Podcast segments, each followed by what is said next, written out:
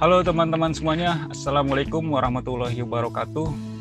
Kembali lagi di podcast Inter Milan Story, podcast yang membahas dan mengulas segala macam tentang Inter. Baik itu berita pemain, berita transfer, manajemen, ataupun berita-berita lainnya seputar Inter Milan.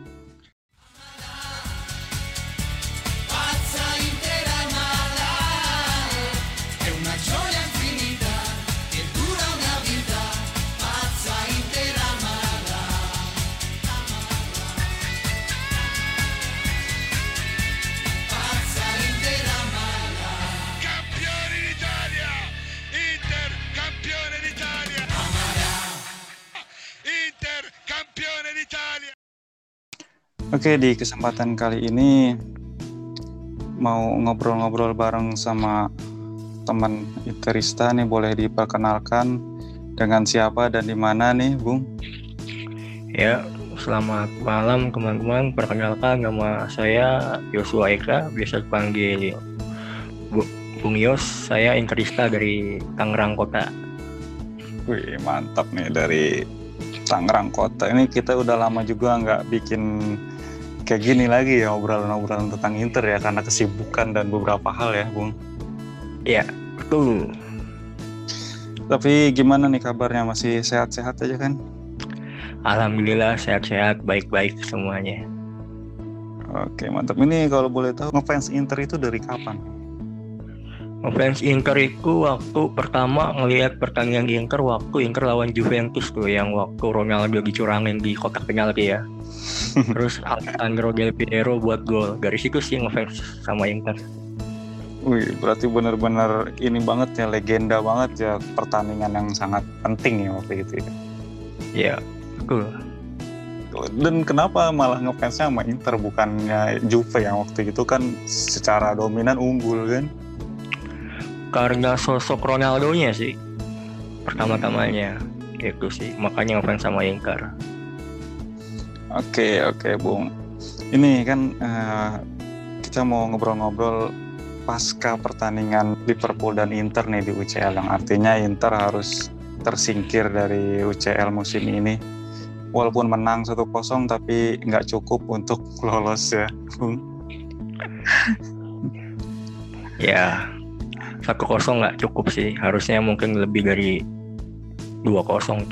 Tapi ya walaupun tidak lolos tapi kan permainannya cukup menghibur lah dan bisa membalikan prediksi uh, orang-orang uh, di luar ya kan yang yang mereka selalu bilang katanya siap-siap aja kalau di Anfield siap-siap dibantai tapi sepertinya itu cuma tahayul buat Inter ya.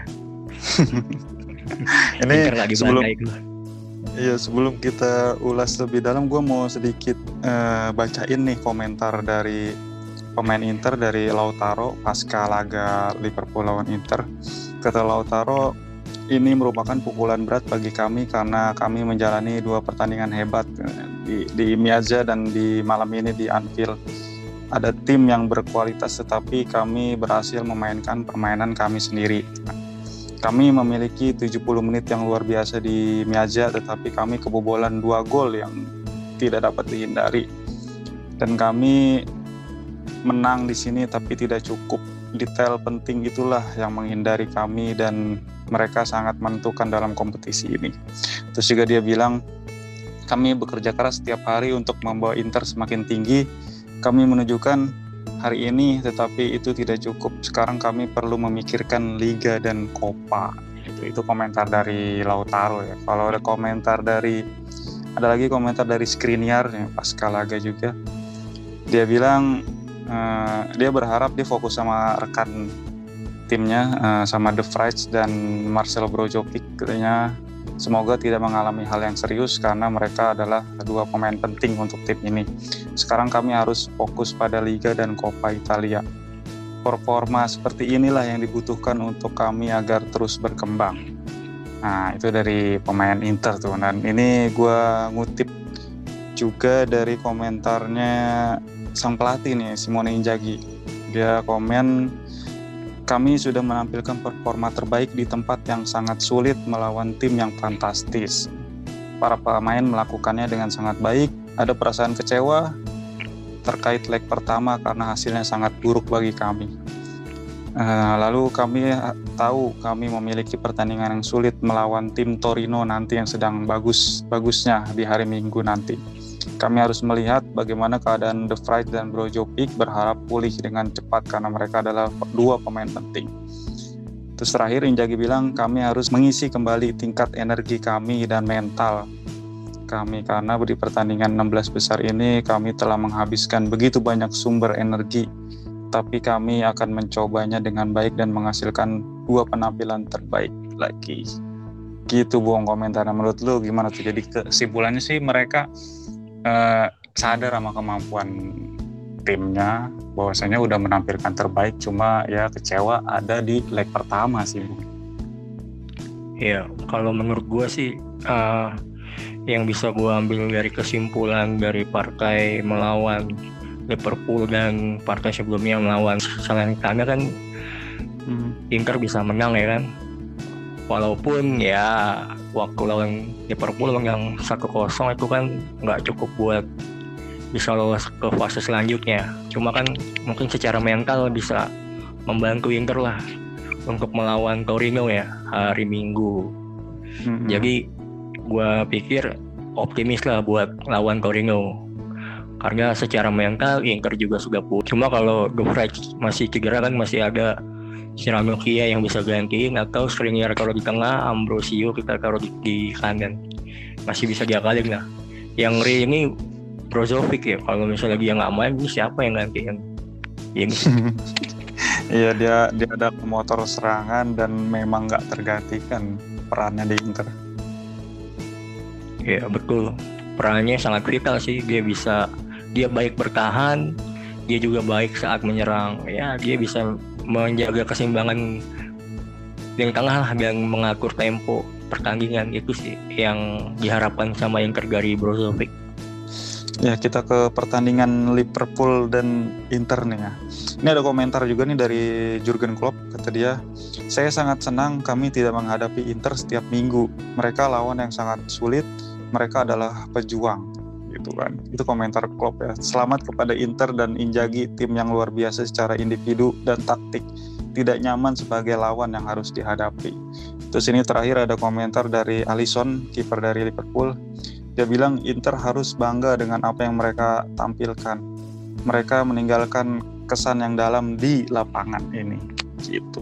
Jadi kalau kita lihat pertandingannya memang sebenarnya Inter tampil ya full tim ya dari segini hanya minus Barella yang kena scoring itu ya Bung. Tapi ternyata yang terjadi di lapangan gue lihat sih malah bagus mainnya sebenarnya sih. Cuma memang Vidal beberapa kali terputus serangan aliran bola itu di Vidal ya di babak pertama ya kita bahas babak pertama gimana kalau tanggapan lu? Ya mungkin kalau di babak pertama kan Inter tampil tanpa Barella gue bilang sih itu bukan full team ya itu kalau di presentasi itu tampil 70% lah soalnya nggak okay. ada Barella ya kan kalau masalah performa Vidal di babak pertama ya bisa kita lihat itu bukan performa Vidal yang paling jelek lah. Dia ya mungkin ada beberapa salah passing sama salah antisipasi. Tapi kalau untuk Vidal waktu lawan Liverpool ya itu bisa bisa menunjukkan itu skillnya Vidal yang prime lah. Dia pejuang, dia ngotot, dia sprint ke depan ke belakang, bantu bertahan, bantu bantu dalam hal menyerang ya. Gue bilang Vidal bermain cukup cukup bagus lah di match kali itu. Kayak di, di match lawan Liverpool ya uh, lagi pula kalau kita melihat historinya Vidal juga sebenarnya jarang tampil sebagai starter. Dia lebih banyak uh, sebagai pemain pengganti justru di pertandingan Liverpool ini karena ya karena Barella tadi akhirnya dia tampil starter. Jadi ya ibaratnya uh, kurang menyetel sama rekan tim yang lainnya begitu ya Bung ya? Iya, kurang lebih seperti itu cuma bisa dilihat kok waktu lawan Liverpool Vidal bermain Spartan sih dia bermain dengan ya kalau gue bilang cukup baik lah menggantikan peran Barella walaupun dia tidak bisa menjadi seorang Barella ya tapi dia menjadi seorang Vidal yang menunjukkan versi prime-nya lah sewaktu lawan Liverpool. Ya, cuma memang uh, umur nggak bisa dibohongin. Mungkin kalau Vidal uh, tiga tahun atau lima tahun lebih muda aja, mungkin dia akan terlihat lebih fighting lagi ya jiwanya ya seperti waktu di mungkin di Juve ataupun di Munchen ya. Ya, kalau soal usia mungkin dia sudah tua tapi kan kalau dari soal pengalaman mungkin dia sudah cukup matang lah dan dan mungkin Inter mengharapkan dari sisi itu sih dari Vidal. Ya justru justru Vidal juga yang gue lihat dia membangkitkan semangat dan memberikan uh, motivasi buat teman-teman juga karena pengalaman dia itu ya. Iya, dia bisa menjadi ya penyemangat, dia bisa menjadi kurang lebih leader di di lini tengah lah dalam hal membang, apa membangkitkan motivasi teman-temannya sih. Hmm, kalau kita lihat ke pertandingan, sebenarnya uh, jalannya pertandingan tuh nggak berbeda jauh sama leg pertama di mana Inter selalu berusaha untuk build up serangan tuh dari bawah, dari kaki ke kaki. Dimulai dari kiper yang ada no pitch dengan back dan berusaha mengalirkan bola ke depan. Namun sebenarnya di lini belakang sudah bisa dikuasain gue lihat sih dari Bastoni, Skriniar dan The Fight di babak pertama itu udah sering sekali bisa akhirnya melewati uh, trio dari striker Liverpool Salah, Mane ataupun Jota. Namun setelah sekitar di sepertiga lapangan ataupun di lini tengah selalu mentok uh, dengan seorang Fabino ataupun Thiago ataupun si Jones yang bisa membackup apalagi ditambah lini pertahanan Liverpool juga sangat tampil solid ya. Iya, sewaktu di babak pertama melawan Liverpool ya bisa dibilang pertandingan ya deg-degan ya karena Liverpool memainkan bola pressing yang tinggi di tengah di press sama dia. Brozovic tidak diber, diberi kebebasan untuk memegang bola dan mengatur jalannya pertandingan. Dan Lautaro sama Sanchez juga di press terus kan sama Van Dijk dan kawan-kawan. Yeah. ya gua pikir sih di babak pertama Liverpool memang pure meng menguasai jalannya pertandingan dan banyak mungkin ada beberapa peluang sih yang dimiliki oleh Liverpool. Cuma tidak berbuah menjadi gol itu sih. Ya yang mentok kena tiang itu dan itu Inter juga mungkin dinaungin faktor keberuntungan juga dan yeah. Liverpool yang lagi apes juga.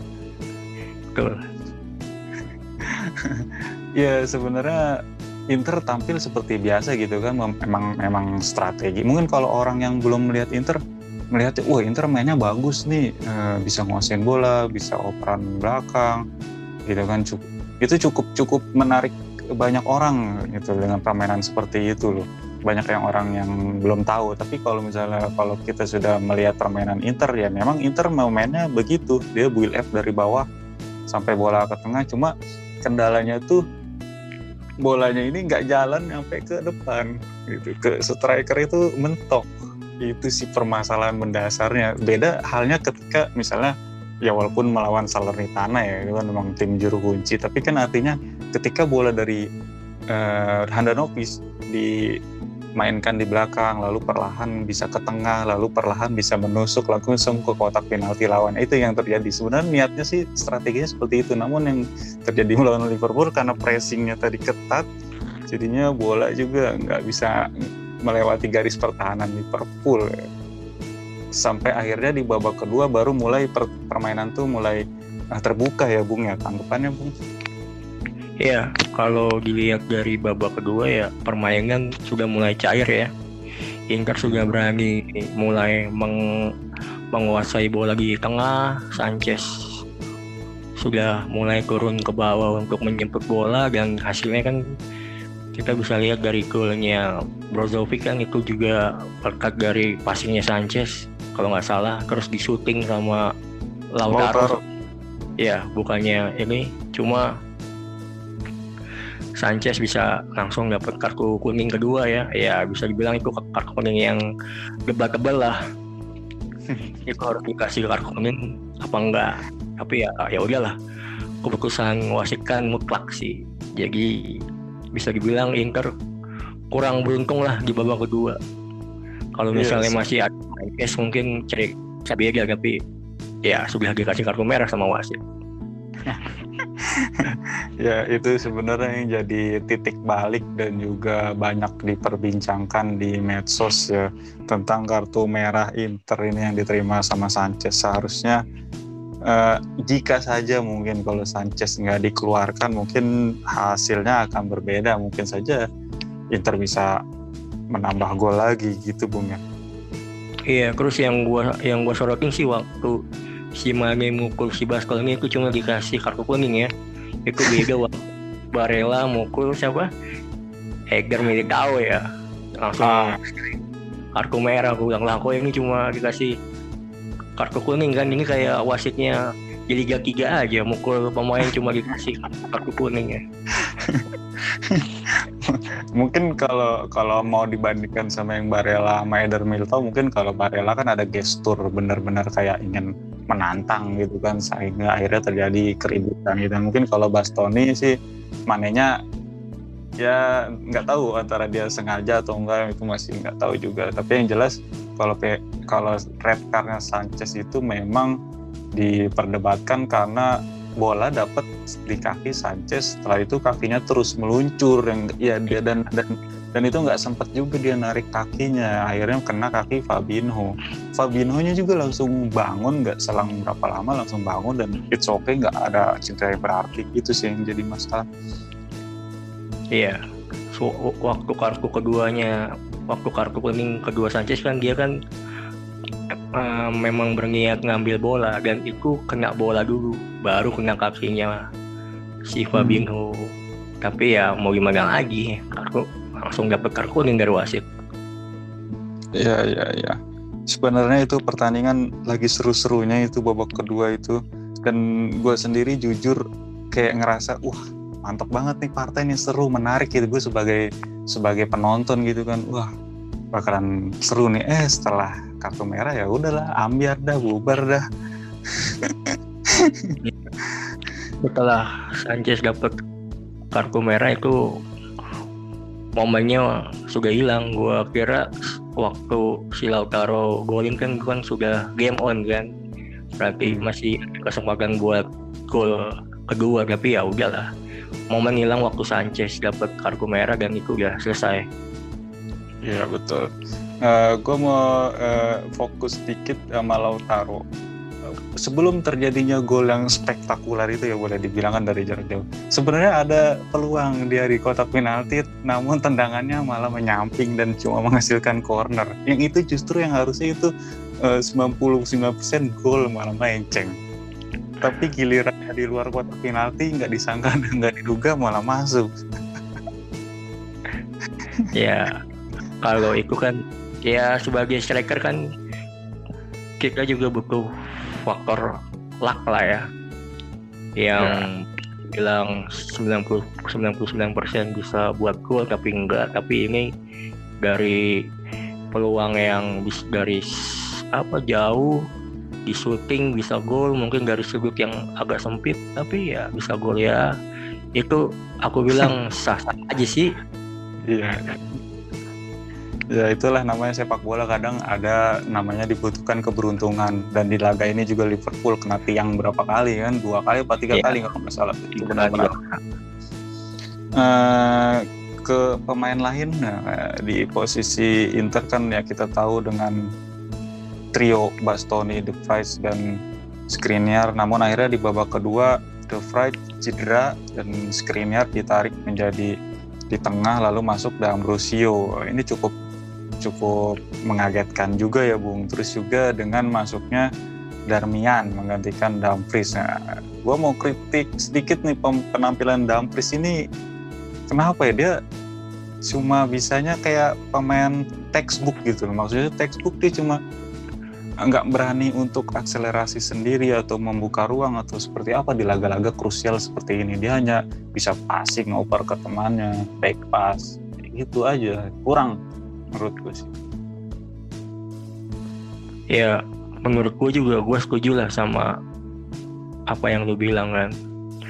Si Dumfries itu kalau misalnya lagi bayangin sama lawan dia nggak berani one on one dia nah, selalu ke belakang lagi passing ke belakang terus dia cari space apa. Dia nggak menunjukkan pemain yang punya skill sih. Cuma gue nggak tahu lah dia dia ingin masih takut takut atau dia nggak punya rasa percaya diri buat duel one on one buat gocek gocek gitu. Soalnya si Hakimi juga bukan bukan pemain yang bisa gocek gocek punya skill yang bagus. Cuma saat dibutuhkan untuk one on one dia berani. Mau dia hasilnya bisa ngelewatin pemain lawan apa enggak kan itu kan nggak masalah. Harusnya Gamprus berani apa uh, bisa belajar lah. Mungkin bisa berani waktu one on one gitu. Jangan kalau dibayangin sama ada pemain lawan dia selalu ngasih bolanya ke belakang ke belakang ke belakang. Jadi ngulang-ngulang lagi. Ya ya makanya banyak orang bilang Inter mainnya bagus, Inter mainnya bagus. Sebenarnya ada momen di mana Inter mainnya nggak bagus-bagus amat, Inter jelek mainnya kalau di ini. Salah satunya ada beberapa pemain yang tampil nggak maksimal seperti Dumfries. Sebenarnya dia kalau dari segi fisik dia sebenarnya menunjang gitu untuk berduel, untuk beradu dengan uh, back-back lawan. Tapi seakan itu tadi dia nggak berani dia cuma cari aman. Kalau tadi dibandingin dengan Hakimi Hakimi yang iya sama juga dia setuju dia nggak dia nggak punya skill untuk melewati lawan juga kurang dia. Cuma dia bisa membuka ruang atau memanfaatkan space kosong. Di situ dia bisa lari sprint. Nah Dumfries nggak bisa melakukan itu gue nggak tahu apa emang instruksinya dari pelatih atau bagaimana yang terjadi kan akhirnya serangan Inter lebih banyak mengandalkan sisi kiri dari seorang Perisic yang bisa dribble bola, bisa gocek-gocek. Sebenarnya di pertandingan-pertandingan penting seperti UCL gini dibutuhkan pemain yang uh, bagus secara individual ya pastinya ya harus bisa dribble bola, bisa skill individunya keluar itu penting sih. Iya sih. Kalau di pertandingan seperti di UCL seperti ini bukan cuma skill aja sih. Sebenarnya butuh pemain yang punya mental juga yang kuat gitu. Hmm. yang berani apa on sama lawan. Yang nggak takut buat buka ruang yang nggak takut duel sama lawan. Tapi ya mungkin faktor umur mungkin kalau si Dumfries kan mungkin dia masih muda pengalamannya juga mungkin masih minim ya mungkin dia bisa jadi baik lagi lah harus diajarin sama Darmian lah kalau soal skill gocek-gocek lawan. Iya makanya akhirnya Darmian sempat masuk juga, eh, Damrosia juga membantu di sisi kanan juga kan. Uh, tapi ya nggak sesignifikan di sisi kiri yang lebih bisa menerobos masuk sisi kanan terlihat kurang ya alirannya. Iya, bisa dibilang begitu sih. Jadi sisi sayapnya yang tertimpang ya, lebih dominan di kiri dengan Perisic dan Baskelanginya. Ya bisa dibilang kan Perisic kan punya banyak pengalaman main di Liga Eropa. Dia juga pernah banyak main di Liga Champion capsnya. Ditunjang juga sama Baskelangi kan back dari tim nasional Italia yang baik waktu menyerang dan waktu bertahan. Mungkin itu sih faktornya. Iya. Ya, ya, gue setuju. Jadi artinya, uh, kalau gue ngeliat di YouTube skill dari Dumfries ini gue ngeliat kan, dia ini bagus nih kalau di YouTube loh. Dribble bola dia ada akselerasi one by one berani duel. Tapi selama main Inter akhir-akhir ini kebanyakan back pass aja. Cuma yang kemarin tuh terakhir lawan Salernitana. Mungkin uh, momen-momen kayak gitu yang bisa uh, keluar kemampuannya yaitu ketika dikasih bola terobosan udah space kosong baru dia lari kencang tuh. Langsung crossing. Yeah itu salah satu kelebihannya dia sih sama di bola atas sundulan crossing dari pojok dia sprint dari belakang dia terbang sundul gas masuk. Itu sih salah satu kelebihannya dia. Iya betul betul. Betul. Makanya kalau kalau untuk sepertinya kalau di partai krusial seperti UCL sepertinya harus kayaknya lebih memilih Darmian sih. Kalau kalau kalau gue sendiri ya pengamatan gue sendiri lebih lebih baik Darmian. Kalau menurut gue nggak cuma di UCL sih di partai-partai penting melawan klub besar pun harusnya Darmian yang bermain sih. Kalau lawan AC Milan contohnya kan Derby Milan kok harusnya dia main tuh. Napoli lawan Roma kok harusnya Darmian yang main sih. Kalau ganti yang main. Jadi ya apalagi kalau pas berhadapan dia kan sering banget tuh terjadi uh, duel dengan Theo tuh. Nah apalagi nanti ada derby lagi kan Theo. terakhir nah itu selalu dia terlibat duel dengan Theo dan dan yang terjadi dia nggak berani gitu kan. Nah, secara fisik padahal unggul secara sprint juga harusnya bisa tapi ya begitulah kebanyakan back pas aja. Kan oke lah itulah dengan dampis lah dengan segala kemampuannya. Semoga bisa berkembang aja karena masih muda. Uh, ke pemain lain ya gimana penampilan dari Hakan dan juga lini tengah tuh yang sempat akhirnya Brozovic juga cedera dimasuk diganti oleh Gagliardini dan juga main Vecino ya di menit-menit 80-an. Nah, gimana tuh menurut lu keputusan dari Simone Inzaghi dengan penggantian pemain? Kalau bisa dilihat keputusannya Simone Inzaghi mengganti pemain di lini tengah pada waktu lawan Liverpool itu bisa dibilang ya cukup baik lah.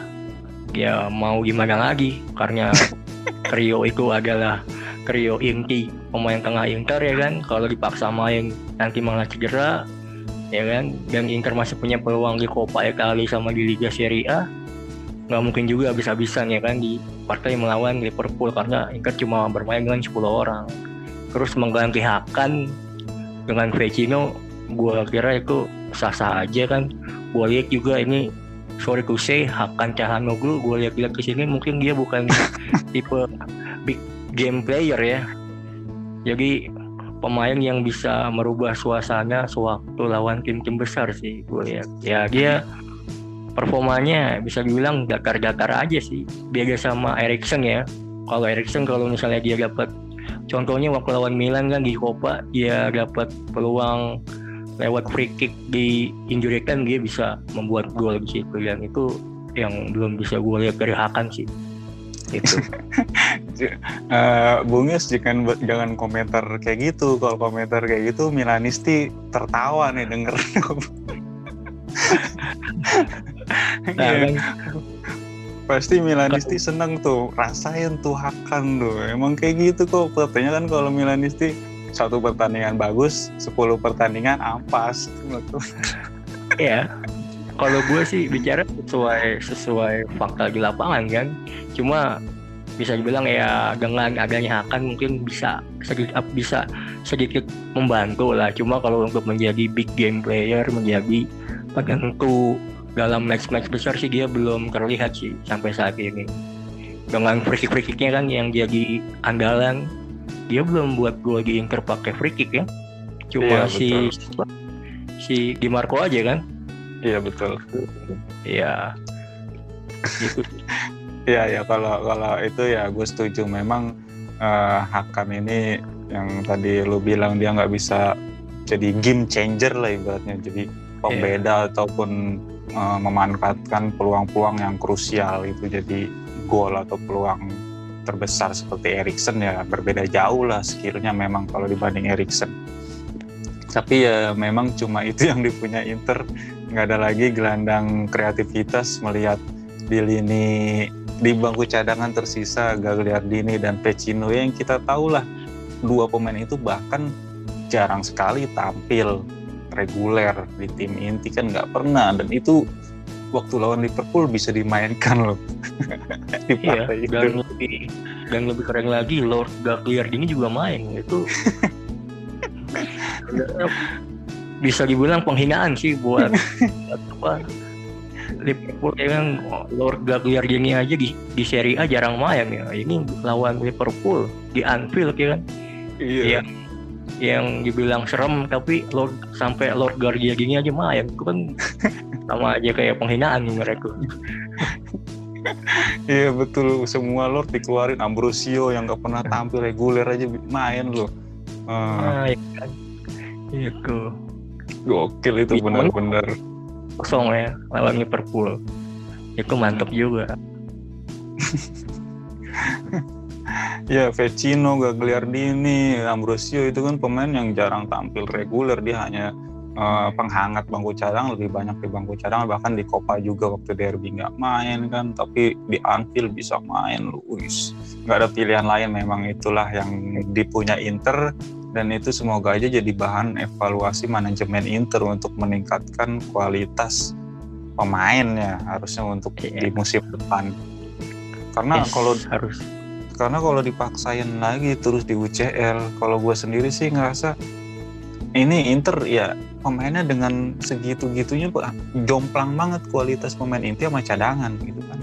Ya bung ya betul. Yang harus dibenahi sama Inter kalau untuk mau berprestasi lagi di UCL ya mungkin dari sektor kiper harus ada backupnya. Dan apa si Onana juga kan dari Ajax sudah datang itu, itu cukup bagus. Mungkin di back juga mungkin harus ada backupnya yang krusial mungkin di tengah sih. Kita harus meng Inter harus mencari face-nya Brozovic sih. Jangan cuma ngandelin Brozovic aja sama gelandang kreatif lah satu. Mungkin Isco kalau bisa dari Madrid datang mungkin bisa beli Isco. Ya, kan? tapi ya rumornya nggak nyampe ke sana. Rumornya yang beredar tuh cuma Fratesi aja sih untuk lini tengah ya kan mudah-mudahan bisa lah ya. Si bisa is, apa si Isco juga bisa. Terus di depan juga kan Zeko udah mulai keluar ya mungkin kita bisa beli kurang dari Munchen Blackback atau Skamaka mungkin bisa dikaryakan. Di Inter iya bisa. Ya gue mau menyorti juga uh, penampilan Zeko nih ya. Gue jadi ingat Uh, di sini Injagi waktu di Anfield eh, nggak uh, menurunkan Jeko. Mungkin kalau gue sendiri ya uh, ngambil kesimpulan, waktu di leg pertama kita tahu kan duetnya tuh Lautaro dan Jeko. Dan di situ permainan Inter sebenarnya bagus dan dominasi pertandingan juga. Bahkan beberapa kali ada peluang dari Jeko dan Lautaro waktu di Miazza. Nah, tapi sayangnya uh, waktu itu kan lagi periode buruk yang di mana Inter nggak bisa mencetak gol Dan akhirnya itu berdampak juga waktu lawan Liverpool di Meaja Jeko banyak buang-buang peluang. Dan akhirnya di Anfield Jeko nggak dimainkan. Karena kalau gue melihat sendiri mungkin karena Inter butuh main cepat dan akhirnya pemain seperti Jeko ini yang lambat boleh dibilang kan nggak dipakai gitu. Kalau lu menyoroti gimana taktik Inzaghi nih memainkan Sanchez? Iya gue sih setuju sama apa yang lo apa yang lu bilang ya kalau mainkan Zeko itu kan Zeko kan lambat dia tinggi kalau dia dapat peluang bola atas dia juga pasti kalah sama Pandey kalau dia dikasih hmm. bola daerah sprint itu juga kalah kan sama Pandey sama Fabinho jadi pilihan Betul. realistis lah mungkin Sanchez atau Korea yang bisa turun ke bawah jemput bola dan bisa ngasih bola itu ke Lautaro atau bisa kasih ke Perisic atau ke Dumfries untuk membuat peluang lebih baik lagi sih. Itu strategi yang paling realistis sih. Itu sih. Iya dan dan ini artinya ini pengalaman yang bagus juga buat Injagi dari sini sih gue bisa melihat kayaknya dia belajar oh harusnya gue begini harusnya begini gitu. Dia belajar dari pengalaman itu sih poin-poin bagus hikmahnya gitu. E, cuma sayang di pertandingan lawan Liverpool kemarin Gosens nggak main ya. Padahal dia udah siap-siap tuh gue padahal bisa aja tuh diturunkan tapi nggak tahu kenapa nggak jadi. Ya kalau menurut gue sih kalau misalnya Perisic masih fit untuk Goseng peluang Goseng untuk main tuh kecil ya. Cuma kalau untuk jadi backupnya Perisic biar Perisic mungkin masih bagus dan masih bisa tetap menjaga kondisi dia mungkin Goseng agak sulit. Cuma kalau buat backupnya mungkin masih bisa sih untuk di partai-partai selanjutnya. Oke oke jadi uh, kesimpulannya nih kalau kalau dari lu nih pasca lagu tersingkirnya Inter di UCL nih lawan Liverpool apa sih nih? Apakah kesimpulannya ini bagus? Apakah ini buruk? Bagaimana ke depannya? Ya kesimpulan yang bisa gue ambil sih hasilnya memang bagus tapi kan tidak bisa membawa Inter lolos ke fase berikutnya. Mungkin tapi secara mental bisa membantu Inter lah. Kalau Inter di Anfield ya kan yang yang dirumorkan sama banyak orang kan yang dibicarakan kan kalau siap-siap aja nanti dibantai sama Liverpool di sana cuma kan faktanya di lapangan tapi nggak kejadian kan malah bisa menang tipis lah satu kosong dengan 10 pemain dari menit 61 itu kan hasil yang bagus lah secara mental dan bisa dijadikan pijakan untuk match selanjutnya sih untuk melawan Torino jadi mentalnya kerangkat lah lawan Shaler lawan Salernitana menang lawan Liverpool pun menang jadi bisa jadi modal lah untuk persaingan Scudetto sama uh, semifinal Coppa Italia lah lawan hmm. Milan nanti. Oke okay, ya setuju. Artinya ini jadi uh, penyemangat dan dan berharap apa yang ditampilkan di laga Anfield itu terus seperti itu gitu kan di mana tampil Spartan penuh dengan semangat kan. Kayak ada keinginan mentalitas untuk menang. Nah, itu itu yang harus tetap dipertahankan ya Bung. Ya biar gregetnya masih ada lah. Jangan lemas semayangnya kan. Iya, karena sebelum-sebelumnya beberapa kali partai tampil mengecewakan seperti melawan Genoa ataupun sebelumnya waktu derby itu kayak mainnya juga pelan, lemes gitu, nggak ada gairahnya. Iya, itu percaya dirinya kurang mungkin waktu itu. Oke nih kan next laga nih Inter harus bertanda ke Torino nih. Wah ini ngeri-ngeri juga di Torino lagi bagus juga nih dan dan sisa-sisa match di Liga Italia juga bakalan sangat penting ini. Kalau siapa tim yang terpleset atau gagal meraih poin maksimal akan bisa langsung uh, klasemennya posisi klasemennya tergusur gitu sangat ketat sekali. Jadi benar-benar nggak boleh seri ataupun apalagi kalah gitu ya. Iya. Gue pikir Inter harus tampil konsisten lah di sisa laga partai di Liga Serie A untuk bisa mencapai Scudetto ke-20 ya. Kalau laga, laga lawan Torino sih itu penting. Torino juga bukan tim yang kecil ya, dia juga tim yang berbahaya. Dia dia punya banyak pemain bagus. Ada Bremer dan itu itu dibuktikan waktu di San Siro Inter cuma bisa menang 1-0. Tapi gue pikir dengan kemenangan lawan Liverpool di Anfield mungkin bisa membawa angin segar buat Inter lah. Kepercayaan dirinya naik dan Inter bisa memenangkan pertandingan lawan Torino nanti. Ya, apalagi uh, udah sembuh juga beberapa pemain. Gosens kemungkinan bakalan tampil starter. Lalu juga mungkin Korea berduet dengan Lautaro ataupun berduet dengan Jeko. Masih masih kita nantikan. Dan Brojovic juga infonya sudah sembuh fit ya. Dan ya ini kita menantikan peran dari seorang Gosens di sisi kiri di mana histori dia waktu di Atalanta kan wah sangat kreatif sekali. Dia bisa menyisir yang gue bilang dia bisa dribble bola bisa menusuk bisa crossing bisa umpan. Nah, itu yang kita tunggu ya. Kemarin dia waktu lawan Salernitana memberikan asis ya satu asis dan itu pun dia baru masuk sebagai pemain pengganti gitu kan. Ya semoga aja nanti di Torino dia bisa berbuat banyak itu yang diharapkan cuma ini kan Torino ada Bremer nah. ini back yang digadang-gadang back bagus. Dan juga di lini depan ada Belotti ada Pecaka ada Brekalo. Ini bahaya juga nih kalau Inter meremehkan apalagi mainnya lembek pelan-pelan. Ya mungkin menghadapi Torino juga Inter harus menampilkan permainan yang full power ya dengan Brozovic sebagai metronomnya di lini tengah dia harus bisa uh, mengendalikan permainan dan memberikan umpan-umpan bagus. Dan untungnya lawan Torino Barella udah bisa main kan?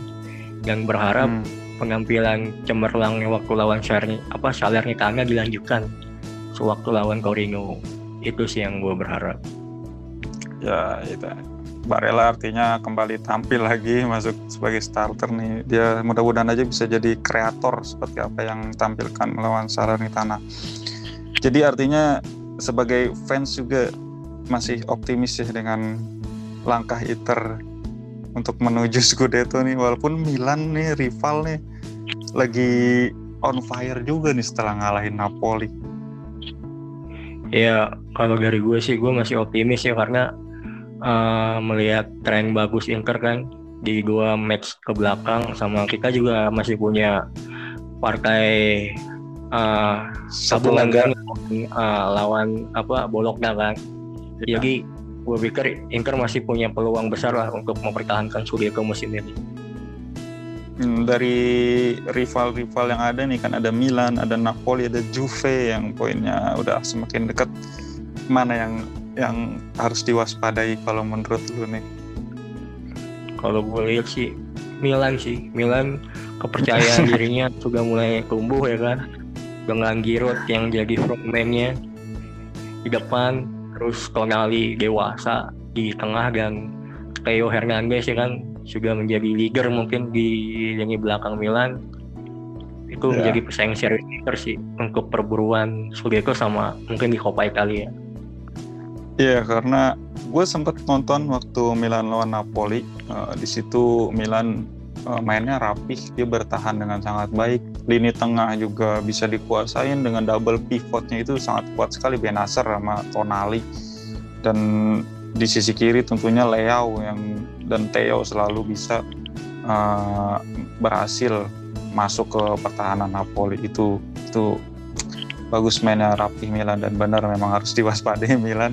Namun sepertinya Milan ini kadang dia kepleset sama tim-tim kecil. Dia kalau seperti istilah tuh Robin Hood dia dapat poin dari tim-tim besar tapi suka ngasih poin ke tim-tim kecil ya mungkin itu itu yang diharapkan sih sama Interisti ya mungkin semoga aja Milan juga pleset ketika menghadapi tim-tim kecil amin, gitu. ya. faktor apa kontinuitas itu kan penting lah kalau dalam pertandingan ya kan gimana caranya Inter bisa menang lawan tim besar, lawan tim kecil, ya itulah harus dilanjutkan kerennya. Hmm. Cuma kadang kalau ngelihat uh, Inter kemarin kan yang periode buruk di bulan Februari, lu ngelihatnya gregetan atau enggak sih ngelihat lini depan striker yang bapuk ini? Arti, artinya kalau membandingkan dengan wah seandainya masih ada Lukaku atau Hakimi gitu kan, apalagi waktu derby kemarin tuh seandainya masih yeah. ada Lukaku, Hakimi mungkin akan selesai itu bisa menang Inter Gimana tanggapan? Ya gue lihat waktu periode buruk Inter kemarin-kemarin ya gue cuma lihat itu pertama faktor kepercayaan dirinya sama faktor keberuntungannya nggak ada sih. Jadi ketika dia pegang bola dia bingung bola itu mau dikemanain. Terus bola itu se sepertinya ingin cepat-cepat dioper ke temannya gitu. Dia nggak percaya diri buat pegang bola, buat mengkreat peluang-peluang bagus itu sih. Ya dan mudah-mudahan itu tidak berlanjut lah untuk ke depannya. Betul betul betul betul. Dan ini adalah inilah artinya hikmah dari tersingkirnya di UCL jadi energi juga pemain stamina nya bisa fit bermain hanya seminggu sekali nggak rutin jeda tiga hari gitu ya nggak bisa dimanfaatkan dari tersingkirnya oke kira-kira ada lagi nggak bung uh, yang mau di sharing sama teman Interisti nih yang mungkin lagi kecewa nih karena tersingkirnya Inter di UCL pesan-pesannya ya. terakhir. Ya mungkin pesan dari gue mah ya kita harus tetap uh, tetap optimis lah. Karena kan pertandingan di Serie A juga masih banyak. Peluang untuk menjadi Scudetto ke-20 juga masih terbuka lebar dan peluang di Coppa Italia juga kan masih masih ada kan lawan Milan nanti di semifinal kedua. Kalau soal UCL ya mungkin Inter sudah melewati targetnya kan. Dari Steven Sang kan dia targetin cuma sampai 16 besar dan Inzaghi juga sudah bisa menjawab itu ya. Walaupun kalah dari Liverpool kita nggak kalah malu-maluin lah. Di Milan kita kalah kan tapi kita bisa ngebalik Liverpool. Beda kan sama tim Milan satunya lagi. Itu sih. Oke betul betul. Oke baik. Makasih nih Bung Yos atas sharing-sharingnya. Sekali lagi. Iya, sama-sama Bung. Ya mudah-mudahan bisa ngobrol-ngobrol lagi. Uh, gua rasa cukup pembahasan kita kali ini. Mungkin nanti akan ada obrolan lainnya. Oke, buat teman-teman yang dengerin podcast ini, terima kasih buat yang udah dengerin. Jangan lupa untuk terus menantikan podcast Intermilan Story. Gue Bung Jo dan Bung Yos pamit undur diri. Akhir kata dari gue, Forza Inter. Sip, thank you. Assalamualaikum warahmatullahi wabarakatuh.